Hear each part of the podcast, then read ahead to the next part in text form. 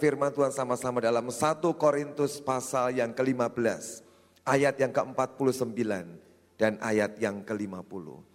1 Korintus pasal yang ke-15 ayat 49 dan ayat yang ke-50. Sama seperti kita telah memakai rupa dari yang alamiah, demikian pula kita akan memakai rupa dari yang surgawi. Saudara-saudara, Inilah yang hendak kukatakan kepadamu, yaitu bahwa daging dan darah tidak mendapat bagian dalam kerajaan Allah, dan bahwa yang binasa tidak mendapat bagian dalam apa yang tidak binasa. Tapi sesuatu yang akan menentukan nasib hidup kita, tapi juga hidup pelayanan kita bahtera, tapi juga bangsa Indonesia, tapi juga dunia saudara. Para hamba Tuhan sudah diberikan pernyataan yang kuat oleh Tuhan Bagaimana Bahtera akan bergerak dengan lebih kuat lagi. Diberikan suatu waktu penentuan saudara. Dan kalau kita ini tahu itu waktu penentuan. Harusnya kita ini siapkan hidup kita dengan sungguh-sungguh saudara. Pembawa-pembawa surga. Saya tahu ini hal yang tidak mudah saudara. Ini hal yang sukar, hal yang berat bagi Bahtera. Bagaimana mungkin kita ini membawa surga saudara. Gak mungkin saudara. Rasanya begitu berat. Tapi kalau Tuhan yang memberi buat kita, kalau dia menentukan, sudah menetapkan, engkau menjadi pembawa-pembawa surga, artinya kita tidak sanggup. Tapi Tuhan akan memberikan kesanggupan. Amin. Apalagi kami ini sadar, Semarang gak punya kemampuan banyak saudara. Ya kan? Bukan masalah bicara uang saudara. Kalau uang itu lebih gampang saudara. Tapi yang sudah kita bicarakan, bagaimana caranya, Bagaimana kami ini bisa menawan hati Tuhan, menyenangkan hatinya sampai dia tersentuh dan berkenan hadir. Membawa sebuah perubahan, sebuah gelombang baru, sebuah season baru lagi bagi Batra saudara. Itu menjadi sebuah kekhawatiran, ketakutan dalam hati Tuhan. Bagaimana Tuhan? Bagaimana? Dan dalam minggu-minggu ini kami di Semarang benar-benar menyiapkan hati kami. Kami doa 24 jam setiap minggu dua kali, Sabtu doa subuh jam 5 pagi kami kumpulkan jemaat. Hari Kamis malam kami kumpul doa. Kami doling laut, kami doling di kota. Kami jalani kampung demi kampung dengan bawa tumen. Kami kerjakan. Untuk apa saudara? Cuma satu, Tuhan. Kami mau membuat hatimu itu tertawan. Dan kau berkata, aku berkenan hadir. Sebab kalau dia hadir saudara, itu di atas segala-galanya. Di atas segala-galanya. Sesuatu yang besar akan dia kerjakan saudara. Kita baru baca sebuah ayat. Sama seperti kita telah memakai rupa yang dari alamiah. Demikian pula kita akan memakai rupa dari yang surgawi.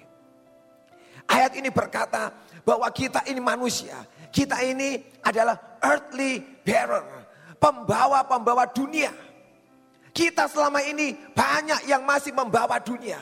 Earthly bearer saudara. Yang kita bawa banyak yang dari dunia. Tapi Tuhan berkata di ayat ini, demikian pula kita akan. Tetapi Tuhan akan membuat sebuah perubahan. Dan dikatakan kita akan memakai rupa dari yang surgawi atau heaven bearer. Kita akan menjadi pembawa-pembawa surga. Amin. Tiba-tiba sebuah masa di mana orang yang cuma membawa apa yang dari dunia apa yang dari daging berubah menjadi orang-orang yang membawa surga. Tapi perlu sebuah perubahan saudara. Dari yang membawa dunia berubah menjadi orang-orang yang membawa surga. Dan Tuhan sedang membuat perubahan besar ini dalam kehidupan kita saudara. Dalam bahtera dia mau buat sungguh-sungguh apa yang menjadi tema acara itu sungguh-sungguh terjadi. Yang dari dunia yang dari daging berubah menjadi yang ilahi yang dari surga. Saya ingat kisah penciptaan ketika Tuhan menciptakan manusia. Tuhan mengambil debu tanah dan dia membentuk manusia dari debu tanah. Asal kita ini dunia, bumi, daging saudara. Itulah asal kita saudara. Tetapi tahukah saudara, tiba-tiba tanah liat, debu tanah yang dari dunia asalnya ini. Ketika rohnya dihembuskan ke dalam tanah liat. Debu tanah yang dari bumi yang dari daging ini tiba-tiba berubah. Ada sebuah kehidupan yang dimasukkan dalam tanah itu saudara. Dan tanah itu berubah menjadi makhluk ilahi. Sebab apa saudara? Ada roh Tuhan yang dimasukkan di dalam manusia yang dari bumi, dari tanah itu saudara. Kita mau harus berdoa sungguh-sungguh. Kita mau minta kepada Tuhan Supaya semua mungkin yang selama ini masih ada berbau daging saudara. Kita berdoa Tuhan hembusi lagi dengan rohmu dengan kuat. Dan berubah menjadi makhluk yang ilahi. Amin. Kita akan dibawa Tuhan sampai ke sebuah taraf menjadi makhluk yang ilahi, makhluk yang surgawi, menjadi heaven bearer, pembawa-pembawa surga. Sebab itulah sebuah target yang Tuhan sedang berikan buat kita saudara. Saya tahu tiap kali dia memberikan target buat kita. Tidak pernah diberikan target yang rendahan saudara. Tiap kali Tuhan memberikan sebuah target. Selalu beyond human. Selalu yang di luar kapasitas kemampuan manusia. Selalu. Sebab memang dia Tuhan yang maha luar biasa. Yang maha kuasa. Yang ajaib saudara. Dan yang dia punya selalu. Yang luar biasa. Di sinilah diperlukan hati yang terus mendekat kepada Tuhan. Melekat pada dia. Sampai terjadi saudara. Yang dari tanah lihat itu saudara. Tiba-tiba berubah menjadi sebuah makhluk yang ilahi, yang surgawi. Sebab dihembusi lagi dengan nafas. Dalam acara itu kita minta kita berdoa dengan sungguh roh kudus. Engkau hadir. Dan engkau menghembusi kami lagi. Hembusi kami lagi. Hembusi kami lagi. Dan saya percaya setiap hembusan Tuhan yang dia berikan. Rohnya yang berhembus. Sedang membawa sebuah perubahan yang besar. Perubahan yang dahsyat saudara. Dalam kehidupan kita. Dan dalam pelayanan kita. Dia sedang menunggu yang surgawi turun dalam kehidupan kita ini saudara. Habel dan Kain. Sebuah contoh yang bagus saudara. Dua pribadi. Yang dua-duanya sepertinya membawa sebuah korban, sebuah persembahan yang gak beda jauh. Kain seorang petani, hasil terbaik yang dia punya, buah-buahan sayur-sayuran. Dia persembahkan kepada Tuhan. Habel seorang gembala kambing domba. Yang terbaik yang dia punya, dia persembahkan kepada Tuhan. Kain tidak mempersembahkan yang jahat, yang buruk saudara. Dia mempersembahkan yang baik. Habel sama, dia mempersembahkan yang terbaik yang dia punya. Sama-sama dibawa kepada Tuhan. Tapi kenapa? Yang satu diterima, yang lain tidak saudara. Padahal yang dibawa semuanya yang terbaik saudara. Kalau cuma sekedar yang baik saudara. Tidak pernah menyentuh hati Tuhan. Dia sedang menunggu, dia sedang mencari yang tepat dengan hatinya. Yang ilahi. Betul, dua-dua itu milik mereka. Yang terbaik yang mereka punya. Tapi yang milik kain tidak sampai menyentuh hati Tuhan. Yang dia bawa tidak sampai menyentuh hati Tuhan. Tetapi yang Habel bawa persembahan betul dari kambing dombanya. Tetapi yang dia bawa ini sampai menyentuh hati Tuhan. Dan tiba-tiba Tuhan berkata, I respect, aku menghormati, aku menghargai. Dalam bahasa yang dikatakan, God respect Abel. Tuhan menghargai, menghormati korbannya Habel. Kenapa saudara? Sebab bukan sekedar yang terbaik yang dia bawa. Tapi hari itu dia membawa yang tepat di hadapan Tuhan. Membuat Tuhan berkata, yang kau bawa tepat Habel menyentuh, menyenangkan hatiku. Tepat yang kau bawa. Excellent. Ibrani 11 ayat 4 berkata, korbannya dibawa Habel more excellent than Cain. Lebih excellent, lebih baik daripada yang dibawa oleh Kain. Bukan masalah sayuran atau domba saudara. Bukan. Tapi Habel bisa membawa yang terbaik. Saudara, dia sedang menunggu. Dia sedang menunggu. Kita bahtera membawa yang more excellent. Kita bersyukur bahtera ini bagus saudara. Tiap kali ditegur, dimarahi Tuhan. Mau terbuka dan terima tegurannya. Itu bagus saudara. Sebab kalau engkau mau ditegur, kita semua mau dikoreksi Tuhan. akan membuat you are more excellent. Engkau tidak pernah bisa excellent saudara. Kalau tiap kali engkau ditegur, diperbaiki, engkau berkata, oh no, no, no, no, sudah bagus kok. Sudah baik saya kok. Ini sudah bagus. Aku udah kerja yang terbaik ya. Tapi orang yang mendapatkan more excellent. Orang yang terbuka hatinya berkata Tuhan, engkau mau tegur, engkau mau koreksi, perbaiki, silakan Tuhan. Dan tiap kali dia mengoreksi hidup kita saudara, sedang membawa hidup saudara kepada sebuah jenjang more excellent. Dia mau bawa kita ke more excellent saudara. Tapi hari-hari ini kita mau tunggu Tuhan terus. Supaya rohnya menghembusi kita dan mengubah semuanya. Yang hanya dari daging bumi ini berubah menjadi yang surgawi. Di ayat 50 berkata, ini yang hendak kukatakan kepadamu. Bahwa daging dan darah tidak mendapat bagian dalam kerajaan Allah. Dan bahwa yang binasa tidak mendapat bagian dalam apa yang tidak binasa. Saudara, yang sedang Tuhan tunggu, yang sedang Tuhan nantikan hari ini, bukan yang dari daging saudara. Yang dari kemampuan kekuatan kita. Tapi yang sedang Tuhan tunggu adalah apa yang rohani yang dia sedang tunggu. Kita bawa ke sana saudara. Kalau kita hidup, kita membawa semua yang dari daging dengan kekuatan usaha kita. Tidak ada poin yang dihitung oleh Tuhan. Tidak ada poinnya saudara. Buat kerajaan surga, tidak ada poin kalau pelayanan kita kerjakan, kebaktian baterai kita kerjakan, kita kerjakan karena kekuatan kita, kemampuan kita, kesanggupan kita. Tidak ada poinnya. Tapi kedetik saudara mementaati Tuhan dalam ketepatan saudara. Ada sebuah poin yang besar yang Tuhan beri dalam hidup saudara. Amin. Dan tercatat di surga ketika kita mengerjakan apa yang ilahi di hadapan Tuhan. Sekian hari lalu saya melayani seorang jemaat saudara yang meninggal dunia. Saya datang ke sana saya tanya, kenapa kok bisa meninggal? Keluarga berkata kecelakaan pak di kota Temanggung. Dia seorang salesman dan dia pergi ke Temanggung, dia jual kalkulator, dia naik motor, tabrakan dengan truk. Habis tabrakan, gak apa-apa saudara sadar, cuma luka-luka kecil, dia numpang ke truknya berkata, Pak tolong bawa saya ke rumah sakit saya mau ngobati luka-luka saya. Naik dia ke truk, diantar dengan supirnya.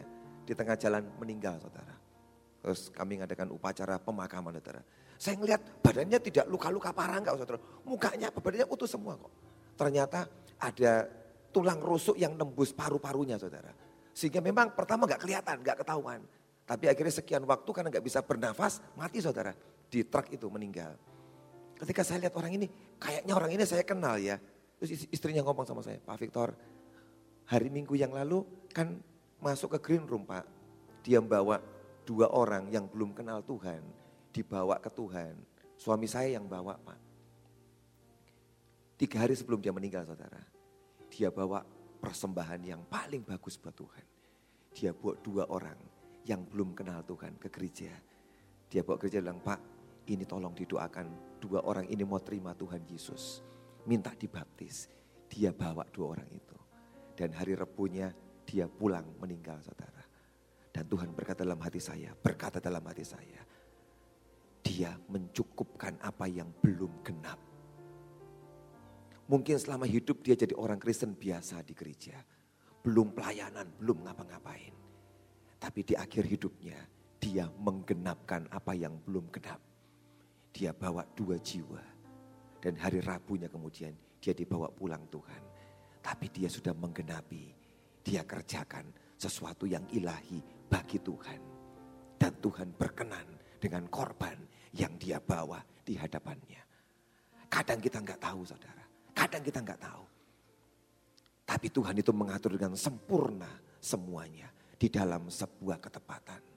Dan dia sedang menunggu anak-anaknya untuk membawa sebuah korban yang ilahi di hadapannya. Sesuatu yang ilahi. Sebab ketika kita mengerjakan dalam ketepatan, ada sebuah poin nilai yang besar di surga yang sedang dia berikan dalam hidup kita. Amin. Amin. Petrus dalam kisah Rasul 2, kita buka sama-sama saudara. Kisah Rasul pasal yang kedua. Ayat 1 sampai dengan ayat yang keempat. Kisah Rasul 2 ayat 1 sampai dengan 4. Ketika tiba hari Pentakosta, Semua orang percaya berkumpul di satu tempat. Tiba-tiba turunlah dari langit suatu bunyi seperti tiupan angin keras yang memenuhi seluruh rumah di mana mereka duduk. Dan tampaklah mereka, kepada mereka lidah-lidah seperti nyala api yang bertebaran dan hingga pada mereka masing-masing. Maka penuhlah mereka dengan roh kudus. Lalu mereka mulai berkata-kata dalam bahasa-bahasa lain. Seperti yang diberikan oleh roh itu kepada mereka untuk mengatakannya. Ini waktu di mana roh kudus berhembus dalam hidup murid-muridnya.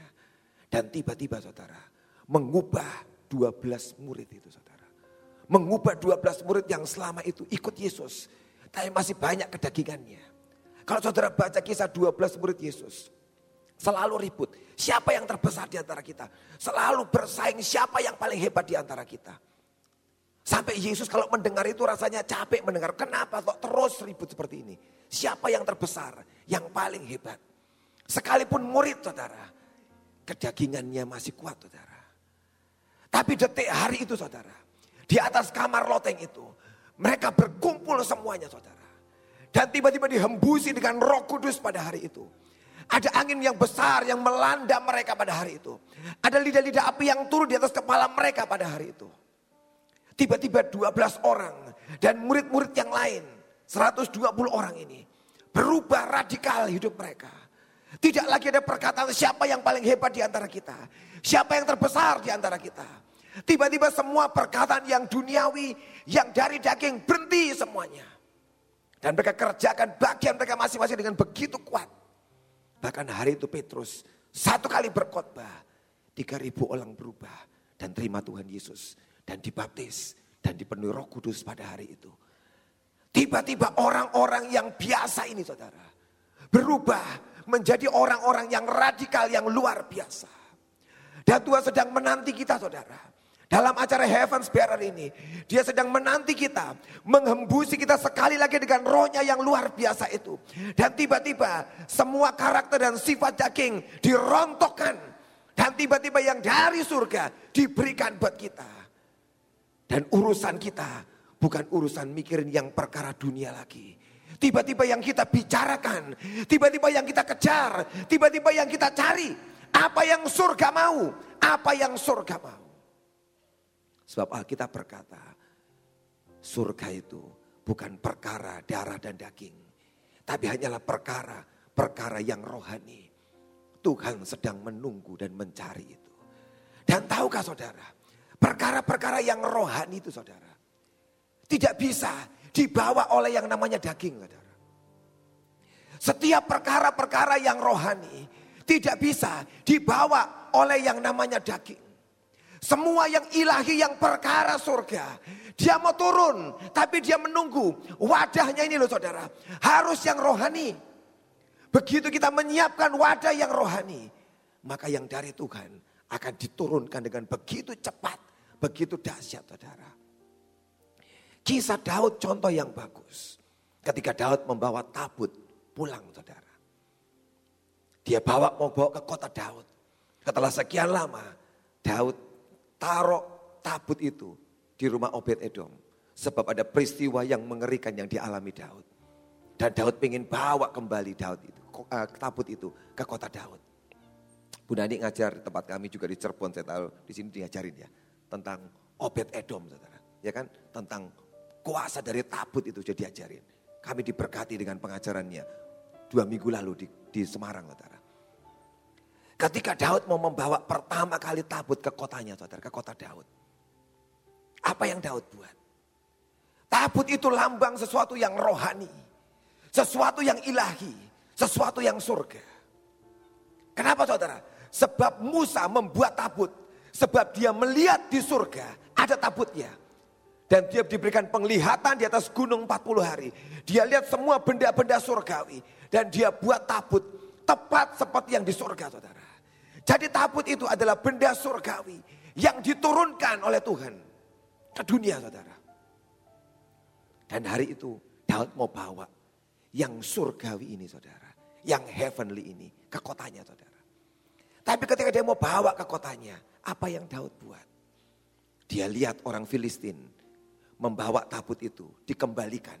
Sebab selama sekian waktu ditaruh di Filistin, tujuh bulan membuat banyak masalah.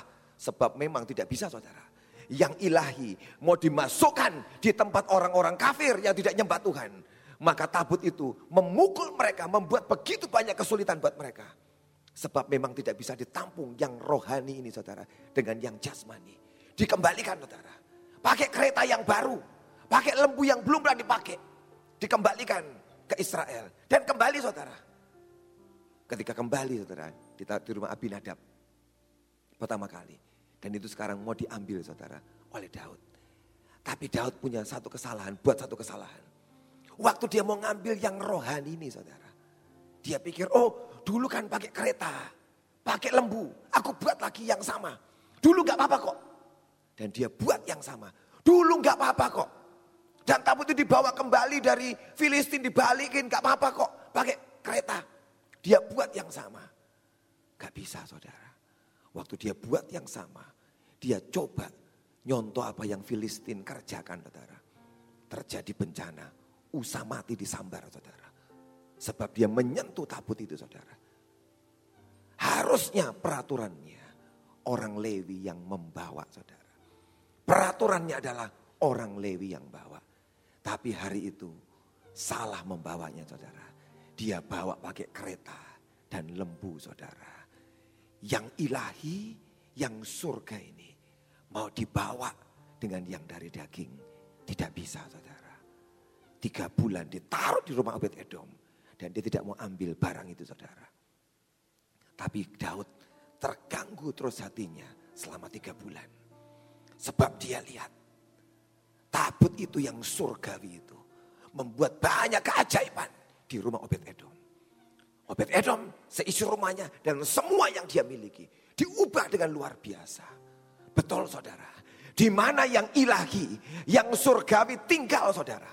Di tempat itu ada sebuah perubahan, kegerakan, keajaiban dikerjakan. Amin. Karena itu kita berdoa, kita minta saudara sungguh-sungguh. Tuhan biar yang surgawi, yang ilahi tinggal. Kalau dia tinggal di Semarang, dia tinggal di Sion, dia tinggal di Temanggung, dia tinggal di Bekasi, tinggal di Bandung. Sesuatu yang ilahi, yang dari Tuhan tinggal di kota kita masing-masing saudara. Dia akan kerjakan keajaiban seperti keajaiban di rumah Obed Edom. Amin. Dia akan buat yang sama. Keajaibannya saudara. Tuhan sengaja buat Daud cemburu saudara. Dia berkata, kamu tolak aku Daud. Aku di rumah Obed Edom. Aku akan tunjukkan semua orang yang menginginkan yang ilahi, yang surgawi, yang heavenly. Aku akan buat perubahan yang luar biasa. Dan Daud lihat dan hatinya cemburu. Aku mau, aku mau, aku mau. Tahukah saudara, kenapa dia membuat acara Heaven's Bearer? Dia mau supaya kita ini menginginkan dia tinggal bersama dengan kita. Amin. Tuhan mau membuat kita cemburu sampai keinginan yang kuat turun dalam hati kita. Bagaimana caranya? Supaya Tuhan tinggal di kota kami masing-masing. Dan mengerjakan yang ajaib di tengah-tengah kita. Dia mau buat itu. Setelah tiga bulan Daud sadar harus dibawa dengan yang rohani. Ini tabut yang rohani. Tidak bisa lembu yang membawa. Harus dicari orang-orang yang rohani. Yang dari Tuhan. Dan dia siapkan orang-orang Lewi saudara. Untuk membawa tabut itu. Dalam kisah membawa tabut ini saudara. Ada tiga hal penting yang saya perhatikan saudara. Ketika tabut dibawa ke kota Daud. Tiga hal penting yang saya pelajari perhatikan. Yang pertama, yang membawa adalah para Lewi saudara. Tidak boleh sembarangan, para Lewi. Tuhan menetapkan orang-orang tertentu yang dia pilih, yang ditentukan oleh Tuhan. Orang yang disiapkan oleh Tuhan, para Lewi.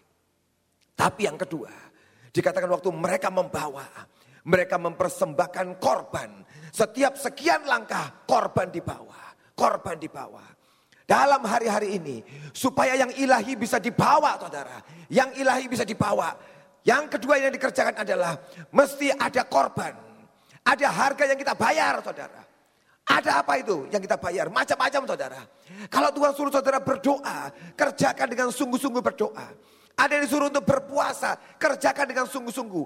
Ada yang disuruh doling, kerjakan doa keliling dengan sungguh-sungguh. Ada yang disuruh membawa korban persembahan, bawa Apa pun bentuknya saudara. Saudara kerjakan dengan sungguh-sungguh.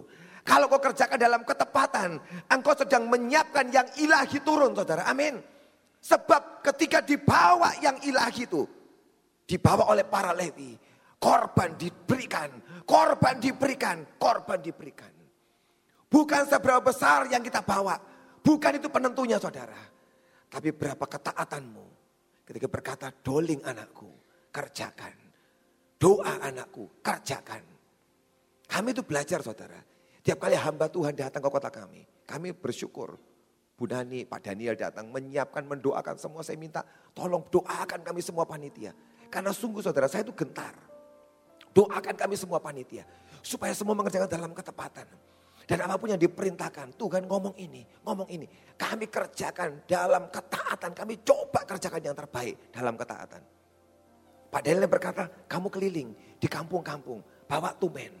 Tuhan berkata, nanti kotamu aku serahkan kepadamu. Di tempat tumen dikucurkan, kalau ada orang lewat di sana, orang itu akan disentuh, dijamah Tuhan. Dan nanti orang itu akan kenal Tuhan. Kami kata, amin, kami mau. Dan kami katakan buat jemaat keliling ke kampung-kampungmu. Setiap tempat, kucuri tumen di mana-mana. Berdoa, minta jiwa-jiwa. Bahkan hal yang kecil-kecil, kami belajar mentaati. Karena kami tahu, untuk membawa yang ilahi. Yang kedua, kita mesti membawa korban sesuatu yang kita bayar kepada Tuhan. Dan yang ketiga, ketika dibawa tabutnya saudara, ada tari-tarian yang dinaikkan. Ada tari-tarian yang dinaikkan. Ada pujian, ada musik penyembahnya dinaikkan. Tiga hal yang bisa membawa tabut Tuhan yang ilahi itu. Lewi orang-orang yang disiapkan. Yang kedua, ada ketaatan membawa korban kepada Tuhan. Dan yang ketiga, pujian dan tarian dinaikkan. Bahkan dikatakan Daud menari-menari di hadapan Tuhan. Ketika dia kerjakan itu saudara. Maka tabut itu tidak membawa kematian saudara. Tabut yang tidak membawa kematian. Tapi hari itu membawa berkat yang luar biasa buat Daud dan rumah tangganya. Dan raja itu dibuat raja yang paling terkenal. Lebih terkenal dari Salomo yang berhikmat dan kaya raya. Daud lebih terkenal. Kenapa saudara? Sebab hari itu dia bawa ke tempatnya saudara. Sesuatu yang ilahi yang dari surga tinggal bersama dengan dia. Sesuatu yang besar, yang ajaib dia alami dalam hidupnya. Karena dia membawa tabutnya tinggal di dalam hidupnya. Saudara, sekian waktu lalu ada seorang jemaat yang datang di gereja yang bersaksi, Pak, saya mau bersaksi, Pak. Dan dia bersaksi, saya malu sebenarnya, Pak. Tapi saya mau ngomong dengan Pak Victor. Tuhan itu luar biasa dalam hidup saya. Sekian lalu, bulan lalu saya pernah sharing cerita bahwa kami diberkati dengan satu mobil Porsche. Ya, mobil putih bagus saudara. Wah, mobilnya keren saudara. Ya. Dipersembahkan ke gereja. Harganya 1 M lebih saudara. Ya, dibuat gereja persembahan. Kami dapat, wah puji Tuhan. Dan setelah saya jual cepat banget saudara. Saya jual sehari langsung laku saudara. Ada yang beli, puji Tuhan. Langsung bisa bayar saudara semua kebutuhan kami di Semarang. Nah orang ini datang terus cerita, Pak saya mau cerita. Tuhan itu luar biasa. Tapi jujur sebenarnya Pak, saya itu berat tuh Pak ngasih mobil ke gereja. Hati saya ini senang dengan mobilnya bagus saudara. Emang bagus saudara. Saya senang banget. Sampai dikatakan waktu saya serahin ke bapak, saya pergi keluar kota. Tidak mau lihat, saya gak mau perpisahan dengan mobil saya. Tidak mau perpisahan, karena sedih. Dia bilang nanti saya serahkan pada mama saya dan adik saya suruh kasih ke Pak Victor. Jadi saya dengan teman berdua ngambil ke rumahnya saudara. Dan dia nggak mau ada di tempat saudara. Diserahin semua surat-surat semua ke saya, dia di luar kota. Saya sedih berpisah Pak. Oh jujur, bagus kok saudara. Oh jujur itu malah bagus. Daripada kita pura-pura rohani, oh aku tabur, aku tenang. Itu orang bagus, jujur saudara. Tapi saya mau bersaksi Pak, waktu saya lepas, saya nggak mikir apa-apa. Tapi luar biasa, tiga bulan sejak saya melepas mobil saya, tiap bulan berturut-turut, saya dapat berkat Pak, seharga satu mobil Porsche. Jadi bulan pertama saya lepas, langsung dapat Pak, balik mobil Porsche saya satu.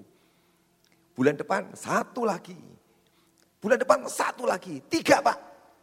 Ini saya lagi nunggu bulan keempat, bulan kelima bilang bagus jadi. Sebab Tuhan tuh kalau janji, janji Tuhan yang paling sedikit itu 30 kali lipat loh saudara. Bukan 30 persen loh ya, 30 kali lipat. Artinya satu dapat berapa? 30, itu paling kecil loh saudara. Satu dapat 60, satu dapat 100. Ya kan? Itu janji Tuhan loh saudara. Saya bilang betul kamu bisa ngalami loh ini. Dibilang saya lagi nunggu terus pak. Saya bilang jaga ya hatimu. Terarah ke Tuhan terus. Nanti Tuhan turunkan berkatnya dengan luar biasa.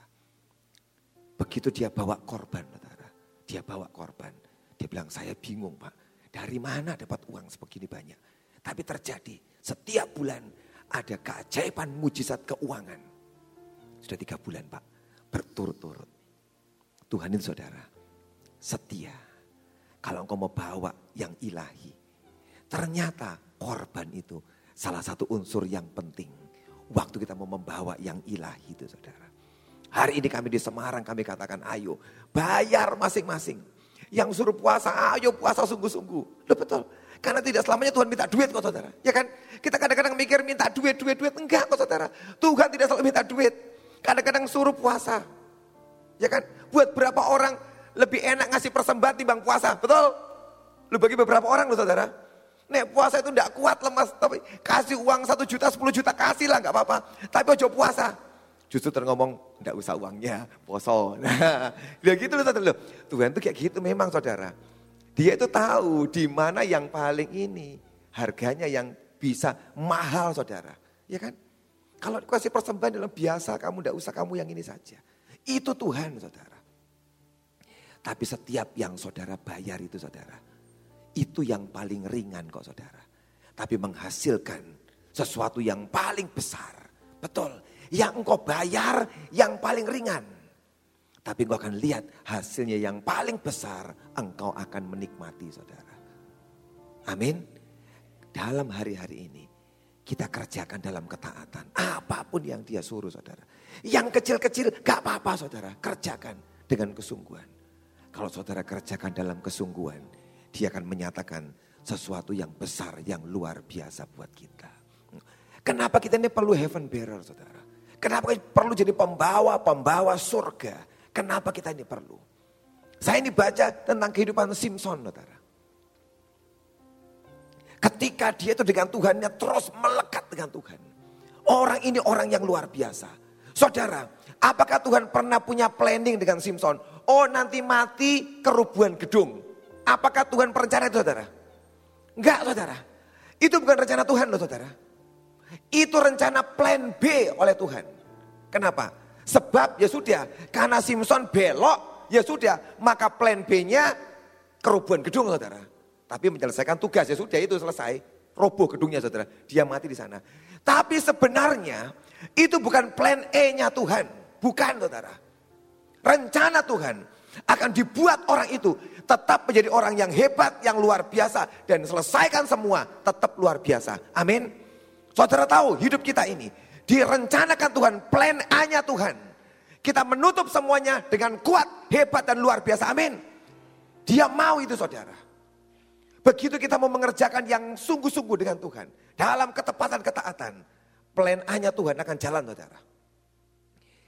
Kisah Simpson itu. Kalau kita baca kehidupannya. Selama nyantol ke Tuhan.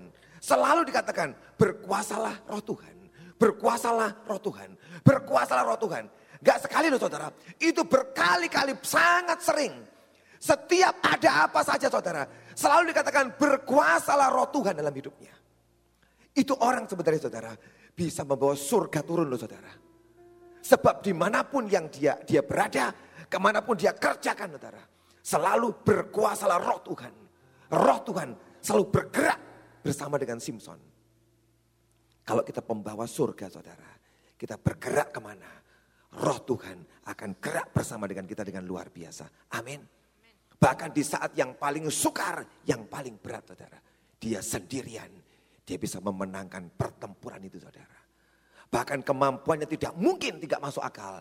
Tiap kali berkuasalah roh Tuhan, dia bisa kerjakan. Dia bisa mengangkat gerbang kota, pintu gerbang kota yang sangat besar dibawa naik ke atas gunung. Tidak mungkin saudara itu. Tapi tiap kali berkuasalah roh Tuhan, dia kerjakan. Dia bisa bunuh puluhan orang, ratusan orang. Kapan terjadi? Tiap kali berkuasalah roh Tuhan.